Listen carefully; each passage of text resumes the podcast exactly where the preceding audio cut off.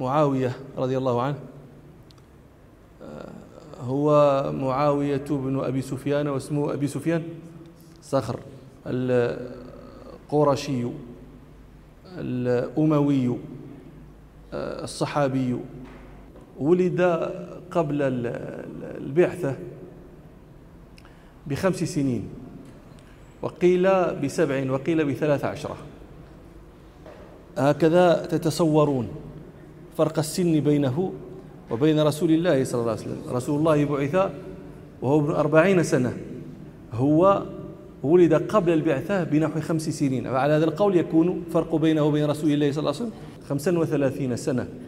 وبعد ذلك ما زاد فبحسبه. وكانت تظهر عليه مخايل النجابة من صغره.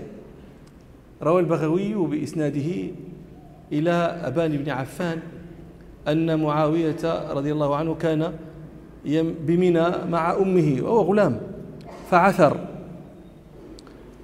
فقالت أمه قم لا رفعك الله. فسمعها أعرابي كان بجانبها فقال لها ما لك تقولين هذا؟ والله إني لأراه سيسود قومه. لما اقترأ ذلك الأعرابي في وجهه في محياه من مخاي النجابة. فقالت هند بنت عتبة أم معاوية لا رفعه الله إن لم يسد إلا قومه. وروى ابن سعد بإسناده أن إلى أبي سفيان أنه رأى نظر إلى ابنه معاوية وهو صغير فقال إن ابني هذا لعظيم الرأس وإنه لخليق أن يسود قومه. أنتم ترون أنه ربط عظام الرأس بسيادة القوم. هذه قضية إلى إلى عهد قريب كانت عند الناس. صاحب لي كان هو من بيت أسلافه أهل علم. قال لي لما ولدت جيء بي إلى عمة لي وعمته تلك كانت من من علماء أهل بيته.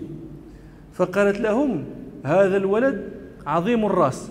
رأسه رأس كبير إما رأس عالم وإما رأس ظالم. إما هكذا وإما هكذا.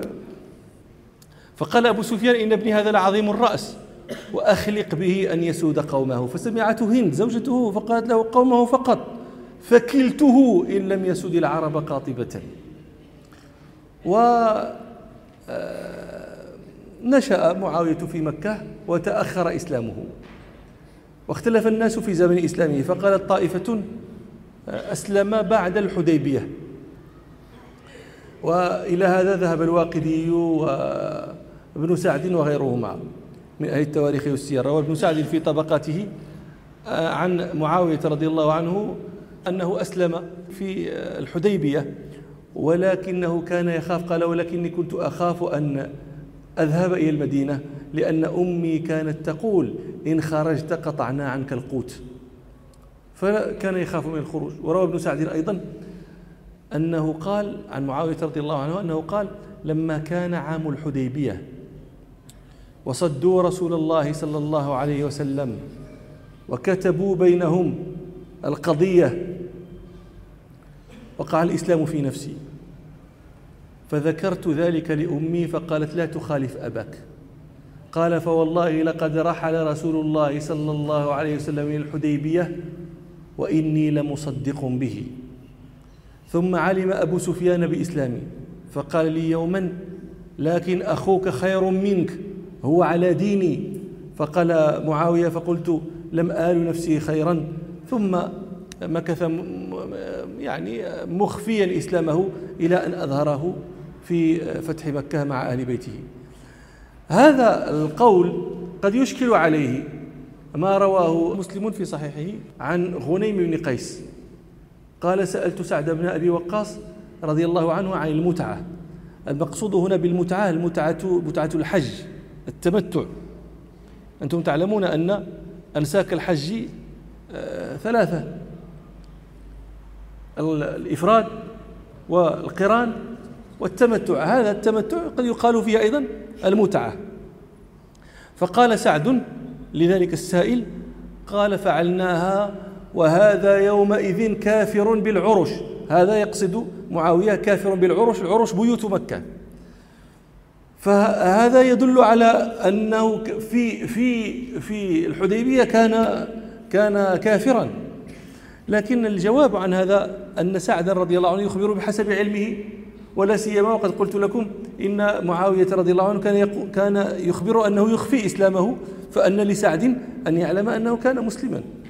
هذا قول طائفة وقالت طائفة بل أسلم يوم الفتح مع من أسلم من آل بيت أبي سفيان. ثم صحب رسول رسول الله صلى الله عليه وسلم في ذلك فيما بقي لرسول الله صلى الله عليه وسلم من العمر بعد فتح مكة. وكان كاتبا يكتب للنبي صلى الله عليه وسلم. وحسنت صحبته للنبي صلى الله عليه وسلم إلى أن مات رسول الله صلى الله عليه وسلم واستعمله عمر بعد ذلك آه، على الشام بعد موت أخيه يزيد بن أبي سفيان سنة ثمانية عشر من هجرة. ومكث هناك آه، أميرا على الشام آه، ردحا طويلا من الزمن سنأتي على بيانه إن شاء الله. معاوية رضي الله عنه من الصحابة الذين أصابهم حيف عظيم واستطالت عليه ألسنة أقوام كثيرين لماذا؟ لأجل ما كان بينه وبين علي رضي الله عنه مما قد ذكرناه في هذه المجالس ذكرا مفصلا لا داعي لتكراره.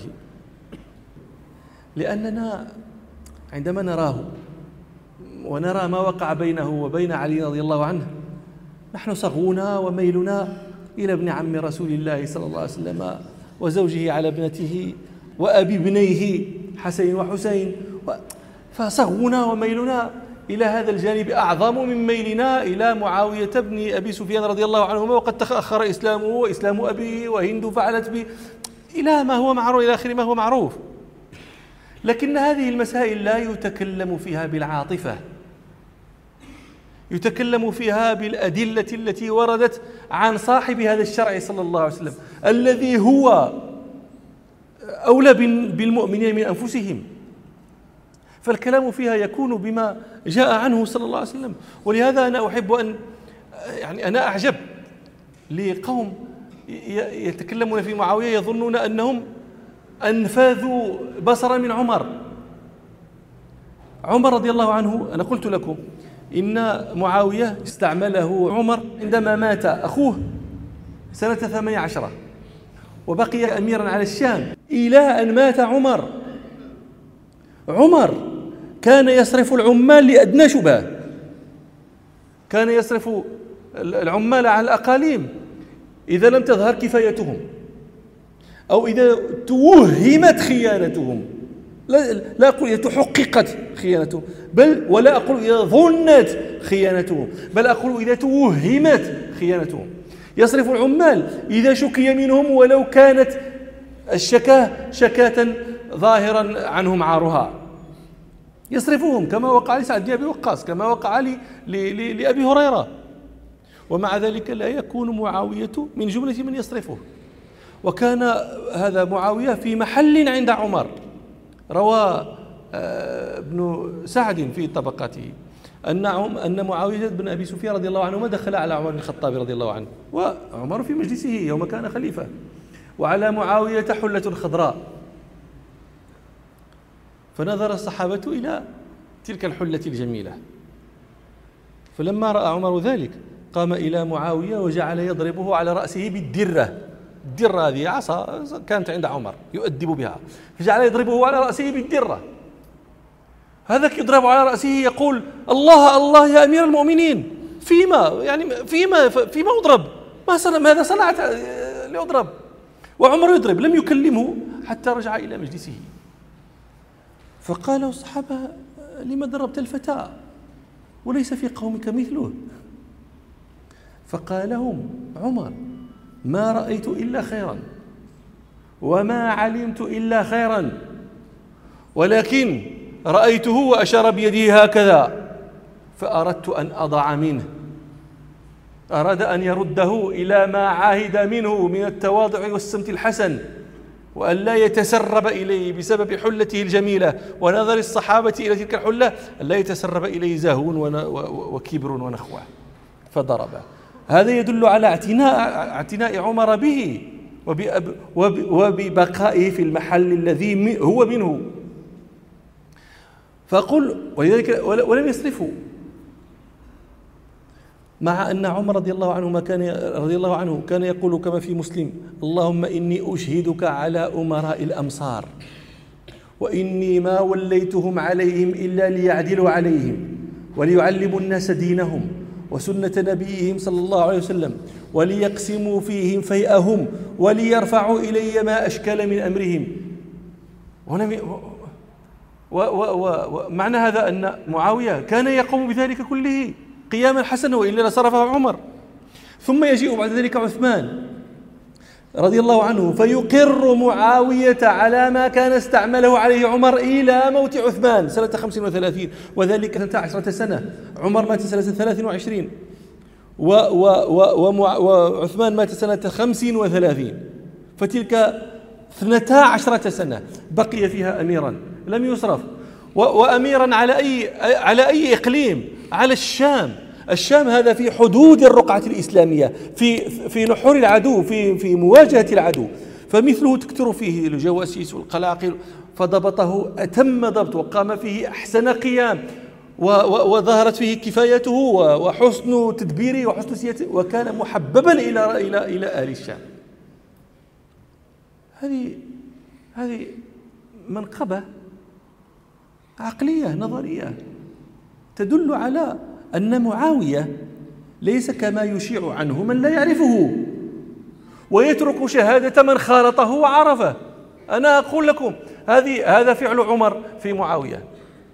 هذا فعل عثمان في معاوية. هذا سيأتيكم قول ابن عباس في معاوية. فأنا قلت لكم أنا أعجب لقوم يحسبون أنهم أدق نظرا وأنفذوا بصرا من عمر وقد خالط معاوية قبل الإسلام وبعده. أو هم أرق أفئدة وأرحم بالأمة من عثمان. وهو خالط معاوية وعرفه قبل الإسلام وبعده. أو هم آه، أعلم به أعلم بمعاوية من ابن عباس الذي خالطه في الجاهلية الإسلام. فيتكلمون في معاوية وهم لم يخالطوه ولم يعرفوه. إلا شيئا. قرأوه عنه في كتب تنقل ما صح وما لم يصح. ويدرؤون ويتركون ويذرون شهادة من خالطه وعرفه. هذا عقل. أنا أقول لكم هذا قبل أن نخوض في الأدلة في المناقب النقلية التي يجهلها كثير من أهل السنة فيستطيلون في في في معاوية. ويتوصلون بالاستطالة في معاوية الاستطالة في أبي سفيان. ولا يشفع لمعاوية لأبي سفيان إسلامهما. أما الأدلة النقلية المناقب النقلية فكثيرة. منها أنه كان يكتب للنبي صلى الله عليه وسلم كان كاتبا له. روى مسلم في صحيحه أن أبا سفيان أتى عن ابن عباس رضي الله عنهما قال كان الناس لا ينظرون إلى أبي سفيان ولا يقاعدونه. قلت لكم تأخر إسلامه هو في وفي أكثر دهره كان رأس المحاربين للإسلام. أسلم يوم الفتح. كم من السنين بقي معاديا للإسلام مقاتلا له مقاتلا المسلمين فلما أسلم لا لا يعني ها أنت مسلم. لكن المسلمين يعني لا ينظرون إليه ولا يقاعدونه. فأراد أبو سفيان أن يجعل له رسول الله صلى الله عليه وسلم شيئا يزيل به آه، ذلك عنه. فأتى النبي صلى الله عليه وسلم فقال يا رسول الله ثلاثا أعطنيهن. فقال له رسول الله صلى الله عليه وسلم نعم. فقال عندي أحسن العرب وأجمله. أبو حبيب أم حبيبة بنت أبي سفيان أزوجكها فقال النبي صلى الله عليه وسلم نعم. طبعا هذه الجملة مشكلة جدا في هذا الحديث لأن النبي صلى الله عليه وسلم كان قد تزوج أم حبيبة قبل هذا. لكن لعلنا نتكلم عنها في موضعها إن شاء الله. قال ومعاوية تجعله كاتبا بين يديك. قال صلى الله عليه وسلم نعم. قال وتؤمرني حتى أقاتل الكفار كما كنت أقاتل المسلمين. فقال له النبي صلى الله عليه وسلم نعم. وجه الشاهد هو أن معاوية جعله رسول الله صلى الله عليه وسلم كاتبا له.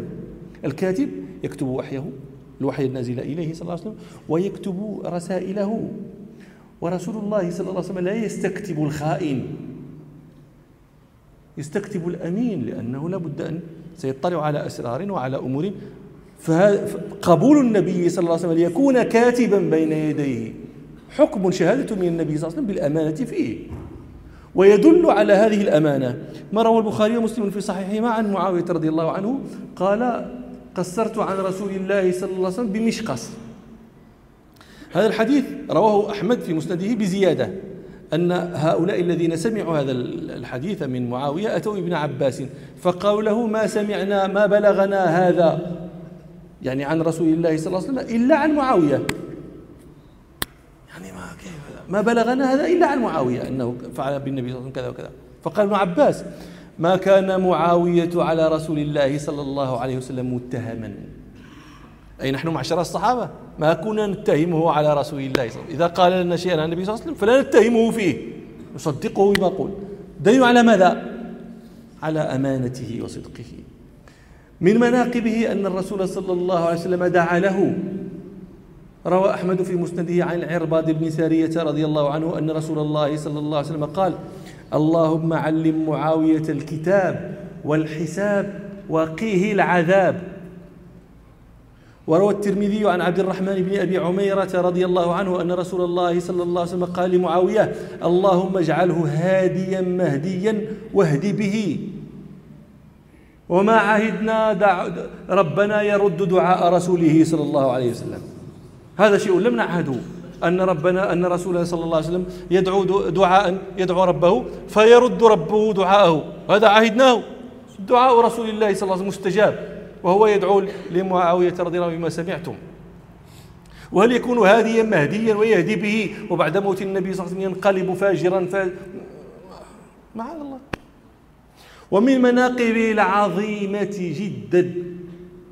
ما روى البخاري في الصحيح عن أم حرام رضي الله عنها قالت سمعت النبي صلى الله عليه وسلم يقول أول جيش من أمتي يغزو البحر قد أوجبوا. فقالت أم حرام رضي الله عنها أنا منهم يا رسول الله. فقال صلى الله عليه وسلم أنت منهم. أول جيش غزا البحر كان فيه معاوية. معاوية رضي الله عنه أنتم تعلمون الشام هذا على البحر. و يعني بلاد يعني النصارى كانت قريبا من من من الشام. تترى بل يسمعون صياح صياح ديكتهم.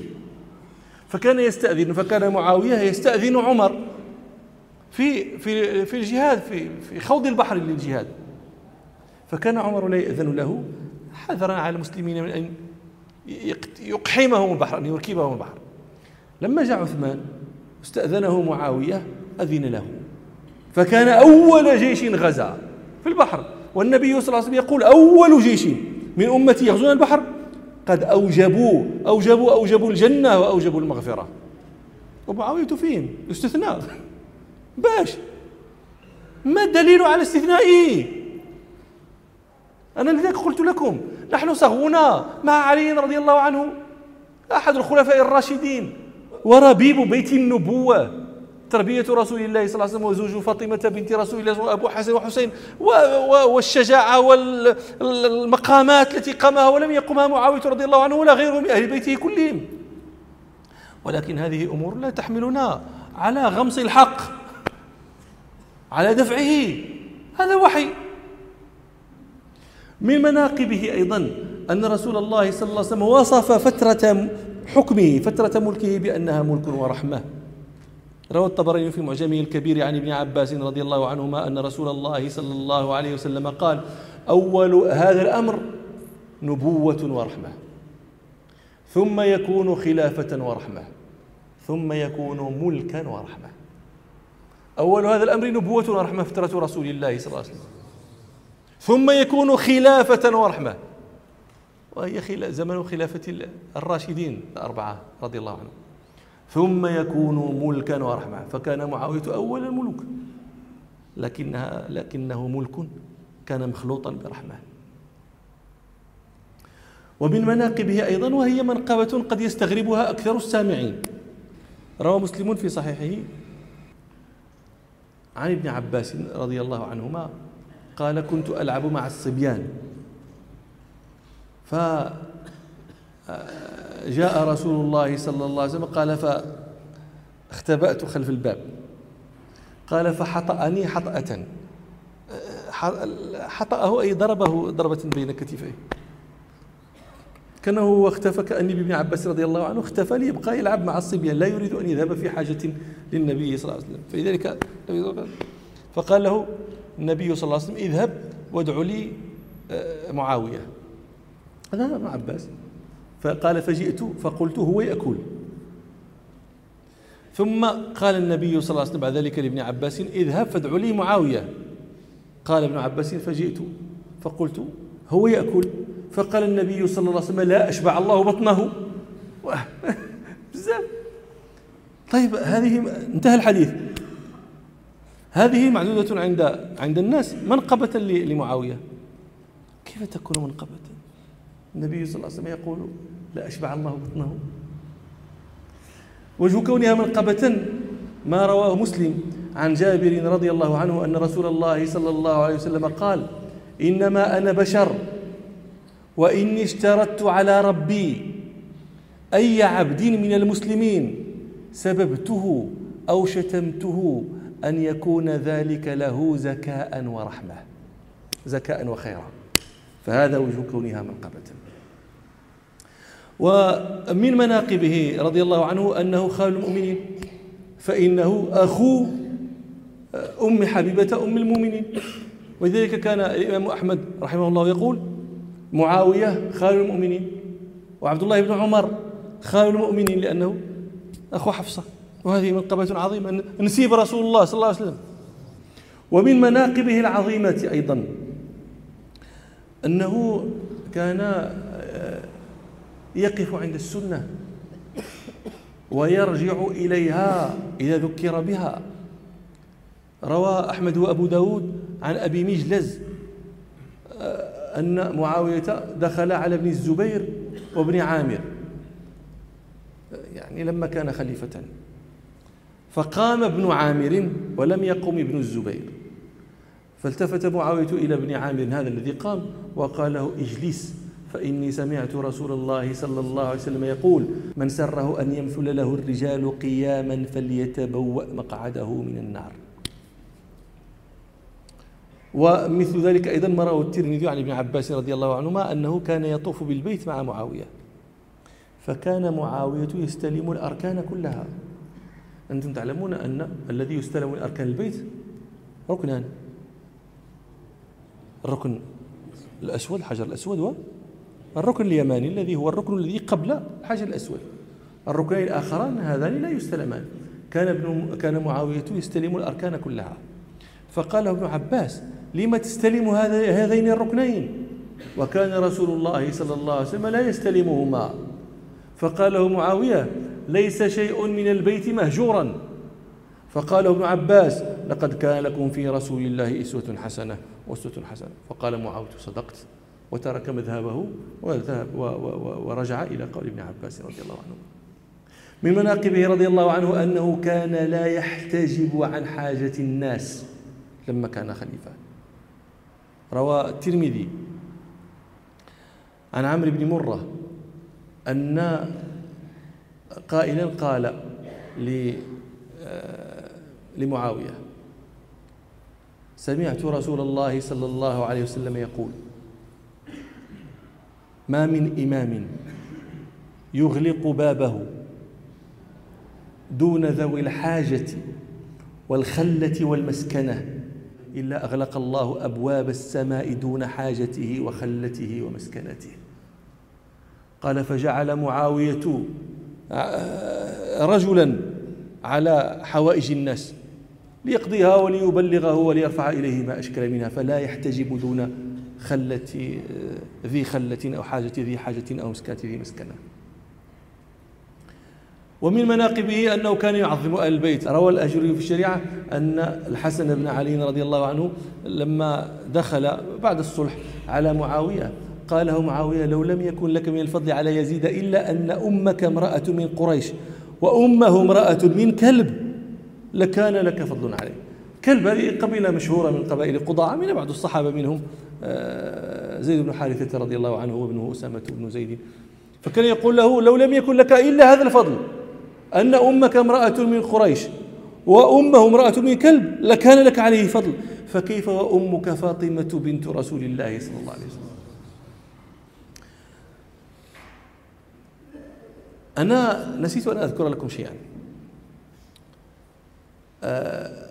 وهو أيضا يعني آه، من الأمور التي ينبغي ذكرها في هذا المقام. أنتم تعلمون قلت لكم أن آه، معاوية ولاه عمر رضي الله عنه على الشام ومكث فيه واليا ثم أقره عثمان رضي الله عنه إلى أن استشهد ثم بويع علي رضي الله عنه.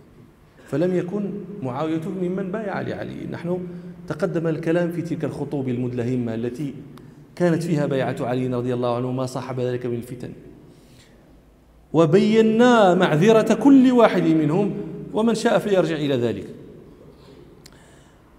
فلم يكن معاوية ممن بايع عليا وكان يطالب بأن يقيم علي الحد على قتلة عثمان فقد كان يعد نفسه ولي عثمان والمطالب بدمه.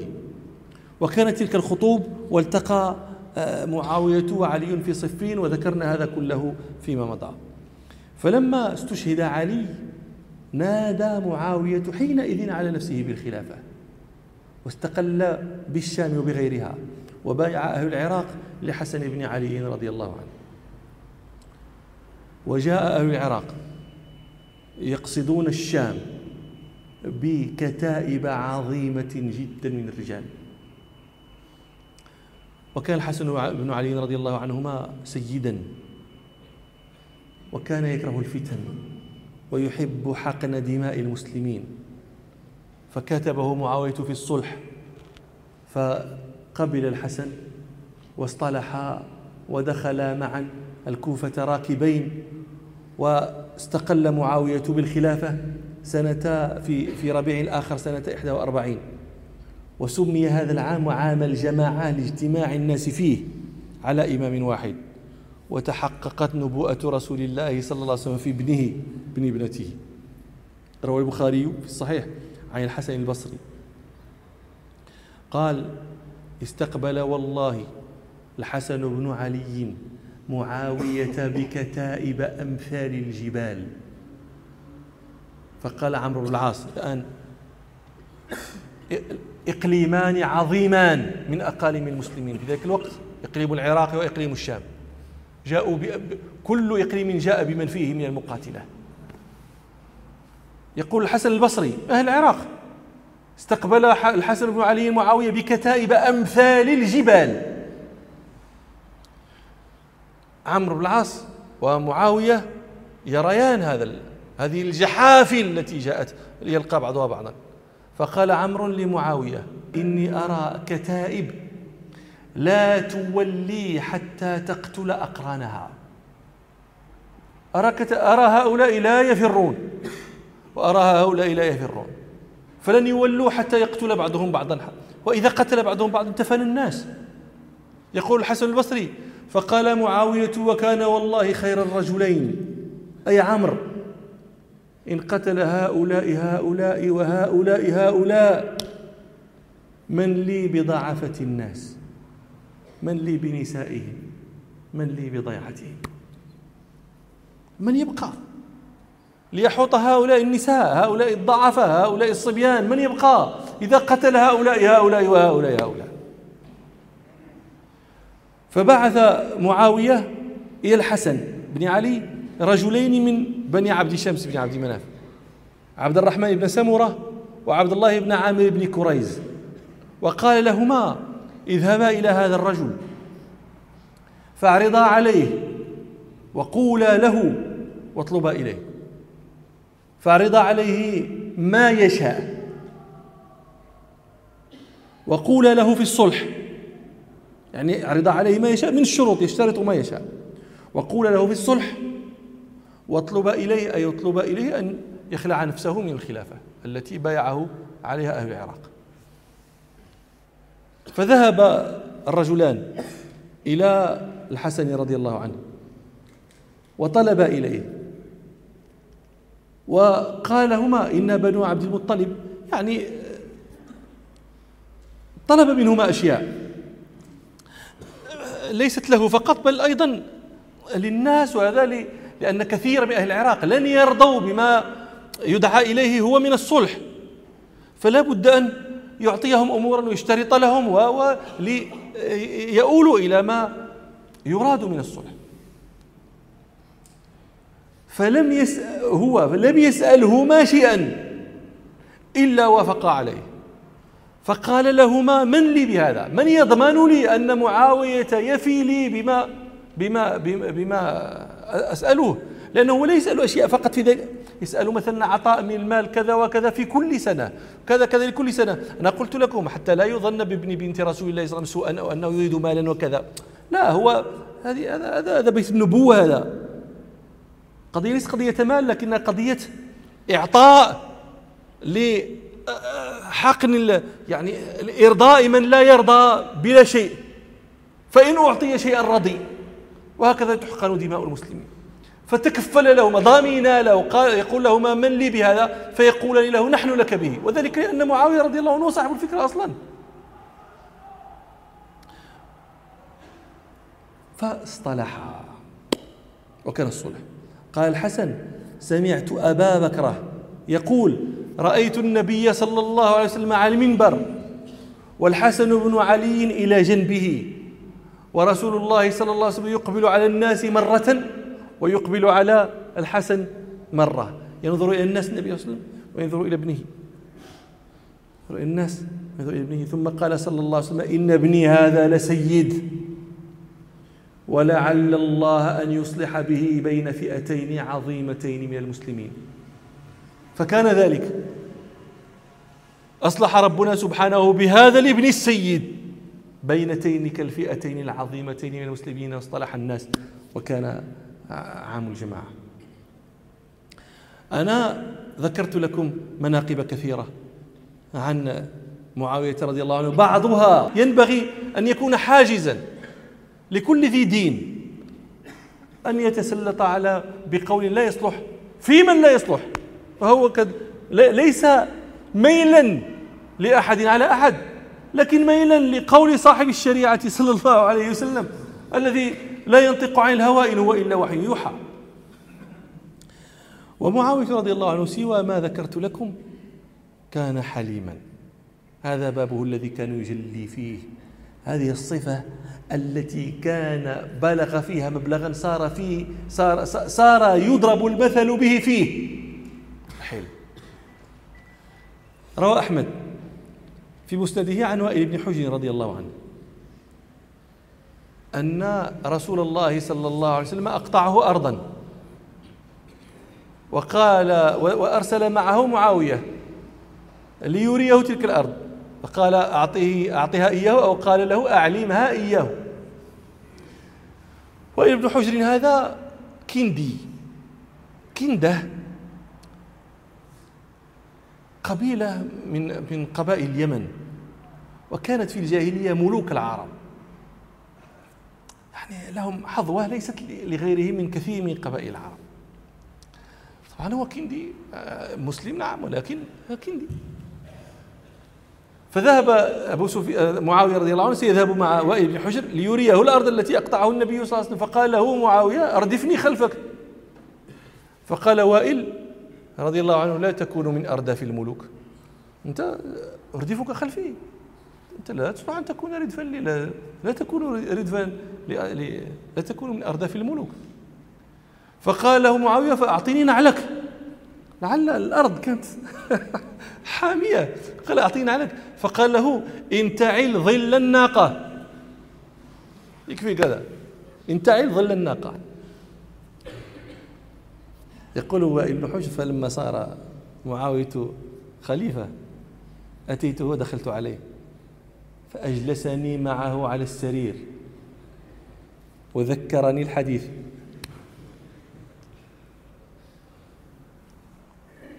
كان يستطيع أيضا أن أن أن يصنع به مثل ما صنع به ذاك ولا لوم عليه.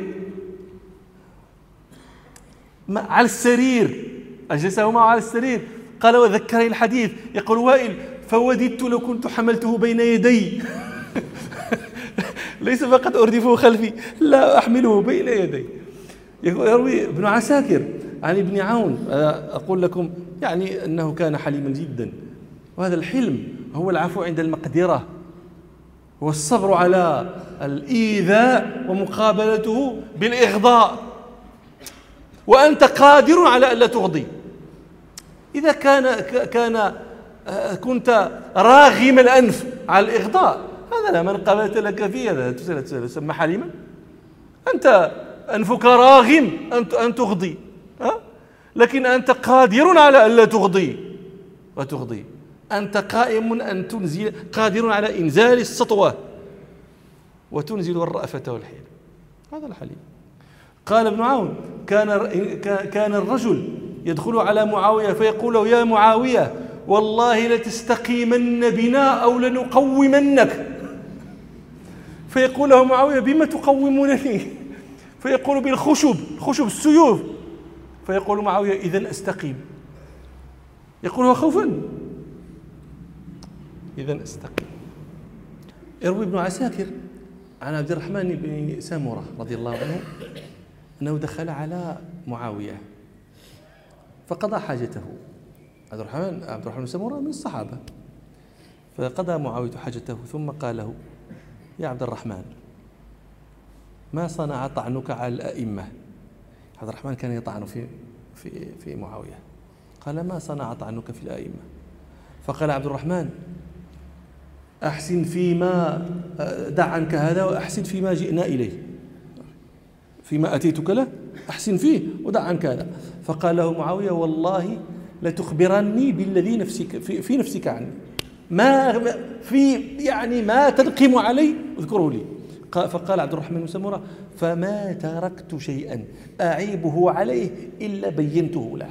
كذا كذا كذا كذا. فقال له معاوية لا أبرأ من الذنب. أنا لا أقول أنا لست أذنب أنا لا أبرأ من الذنب لست بريئا من الذنوب أنا أذنب.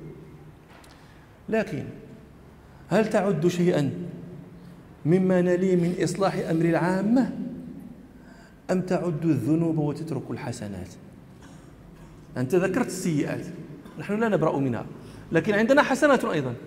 هل تعد هذا هذا الذي ناليه من الإصلاح في أمر العامة تعده أيضا؟ أم تعد الذنوب وتترك الحسنات؟ فقال عبد الرحمن لا والله بل لا نعد إلا ما, ما ترى من الذنوب فقال معاوية فهل لك في خاصة نفسك سيئات؟ انت انت الذي تعيب علي. ألك في خاصة نفسك سيئات؟ تخاف أن تهلك إن لم يغفرها الله لك. فقال عبد الرحمن بن سمره نعم. فقال له معاوية فما الذي يجعلك برجاء المغفرة أولى مني. أنت تذنب وأنا أذنب. أنت ترجو الله لسيئاتك ترجو مغفرته. ما الذي يجعل يجعلك أولى برجاء المغفرة مني أنا؟ ما الذي يجعلك أولى بهذا؟ ووالله إني للذي ألي من إصلاح أمر العامة أكثر مما تلي. فسكت عبد الرحمن. يقول عروة بن الزبير راوي الحديث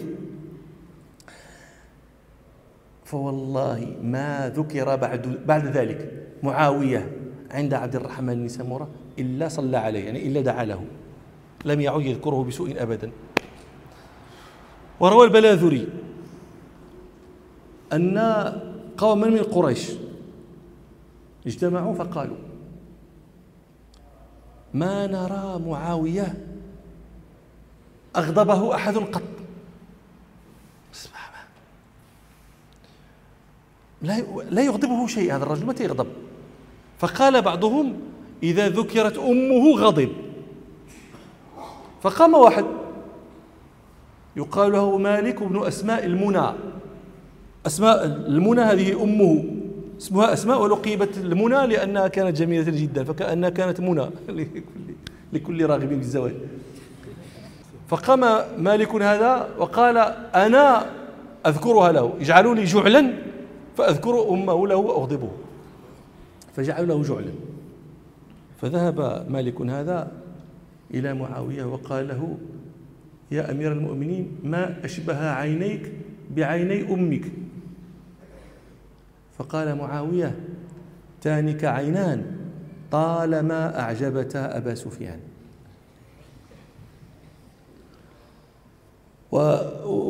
واذهب فخذ ما جعل لك من الجعل ولا تتخذنا متجرا لك. واش هذا الشيء؟ راه أنت دابا ما انت الإنسان ما ذهب ولا درج. يجي يقول لي شي واحد كتشبه لأمك يقول لي دخلك أمك؟ كيف ها؟ ياك هذا هو الخليفة. تيقول لي عوينتك بحال عوينة أمك. قلة العراض هذه. فيقول له هذا الجواب العجيب. العينان تانك العينان طالما أعجبتا أبا سفيان. فاهم ما ما واذهب فخذ ما جعل لك من الجعل ولا تتخذنا من جرا لك. فرجع وأخذ جعله فقام آخر وقال أنا أجعل لك مثلي هذا الجعل. إن ذكرت ذلك لعمرو بن الزبير. عمرو بن الزبير هذا كان خطيرا. فيه كبر فيه نخوة فيه شدة. فذهب إليه ذاك. أحمق. فقال لعمرو بن الزبير ما أشبهك بأمك؟ فأمر به أن يضرب. فضرب فكان فيه قتله قتل مات. فأرسل معاوية إلى أسماء المنى هذيك أم مالك. أرسل بديته بالدية من عنده. لأنه رأى أنه هو بحلمه تسبب في قتله. لو عاقبه في المرة الأولى ما جارؤ أن يصنع ذلك مرة أخرى. وقال لأمه ألا قل لأسماء المنى أم مالك فإني لعمر الله أقتلت مالكا. أنا الذي أقتلته أي أنا الذي عرضته لأن يقتل. وكان رحمه الله وضي عنه فصيحا قيل له مرة أسرع إليك الشيب فقال وكيف لا؟ ولا أعدم رجلا من العرب. يلقح لي كلاما يلزمني جوابه. فإن أصبت لم أحمد وإن أسأت سارت به البرد ولما حضرته الوفاة قال لقد كنت مع رسول الله صلى الله عليه وسلم على الصفا فقصرت عنه بمشقص فأخذت من شعره وهو في موضع كذا وكذا فإذا مت فخذوا ذلك الشعر فاحشوا به أنفي وفمي. ثم قالوا له ألا توصي؟ فقال اللهم أقل العثرة واغفر الزلة وتجاوز بحلمك عن جهل من لم يرجو غيرك فما وراءك مذهب. ومات رضي الله عنه سنة ستين من الهجرة. لما بلغ خبر موته ابن عباس وكان قد وضعت المائدة فيها طعامه. ما استطاع أن يسيغ طعاما. وقال لغلامه يا غلام ارفع ارفع. ثم قال اللهم أنت أوسع لمعاوية. خير ممن يأتي بعده وشر ممن كان قبله. ومات رضي الله عنه. وإلى مجلس آخر إن شاء الله. سبحانك اللهم وبحمدك أشهد أن لا إله إلا أنت أستغفرك وأتوب إليك. الحمد لله رب العالمين.